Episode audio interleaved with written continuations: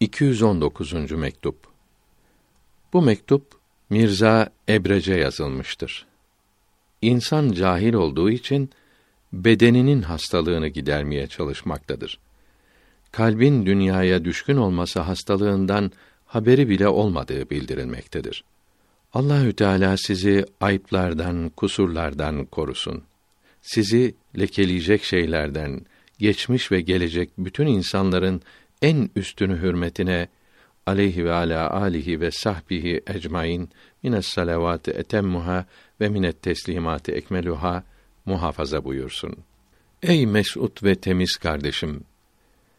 İnsanın bedenine bir hastalık gelince ve uzvunda bozukluk olunca o hastalığı gidermek ve o bozukluğu düzeltmek için o kadar uğraşır da kalp hastalığı kendisini sonsuz ölüme ve bitmez tükenmez azaplara sürüklediği halde bu korkunç hastalıktan kurtulmayı hiç düşünmemektedir ve onu gidermek için hiç kıpırdamamaktadır.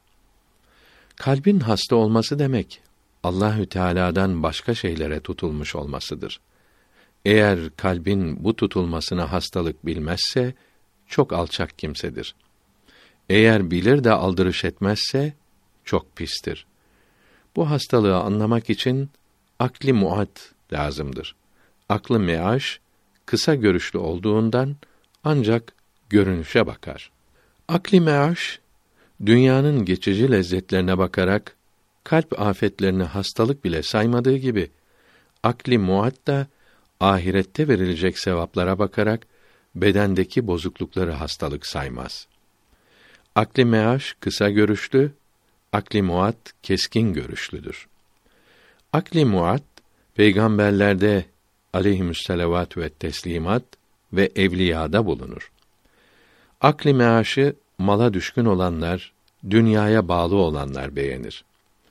Aradaki farkı düşünmelidir.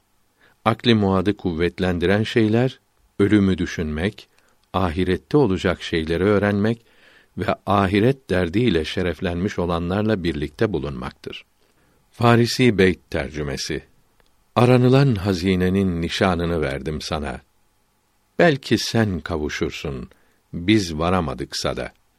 Bedenin hastalığı, ahkâm-ı İslamiyenin yerine getirilmesini güçleştirdiği gibi, kalp hastalığı da İslamiyete uymayı güçleştirmektedir. Şura suresi 13. ayetinde mealen Müslüman olmalarını istemekliğin kâfirlere çok güç gelmektedir. Ve Bakara suresinin 45. ayetinde mealen namaz kılmak, ibadet etmek yalnız müminlere güç gelmez buyuruldu. Görünen uzuvların kuvvetten düşmesi ibadeti güçleştirdiği gibi kalpte imanın zayıflemesi de güçleştirmektedir. Yoksa İslamiyetin her emrinde kolaylık vardır. Bakara suresinin 185. ayetinde mealen Allahü Teala size kolaylık yapmak istiyor. Güçlük çıkarmak istemiyor.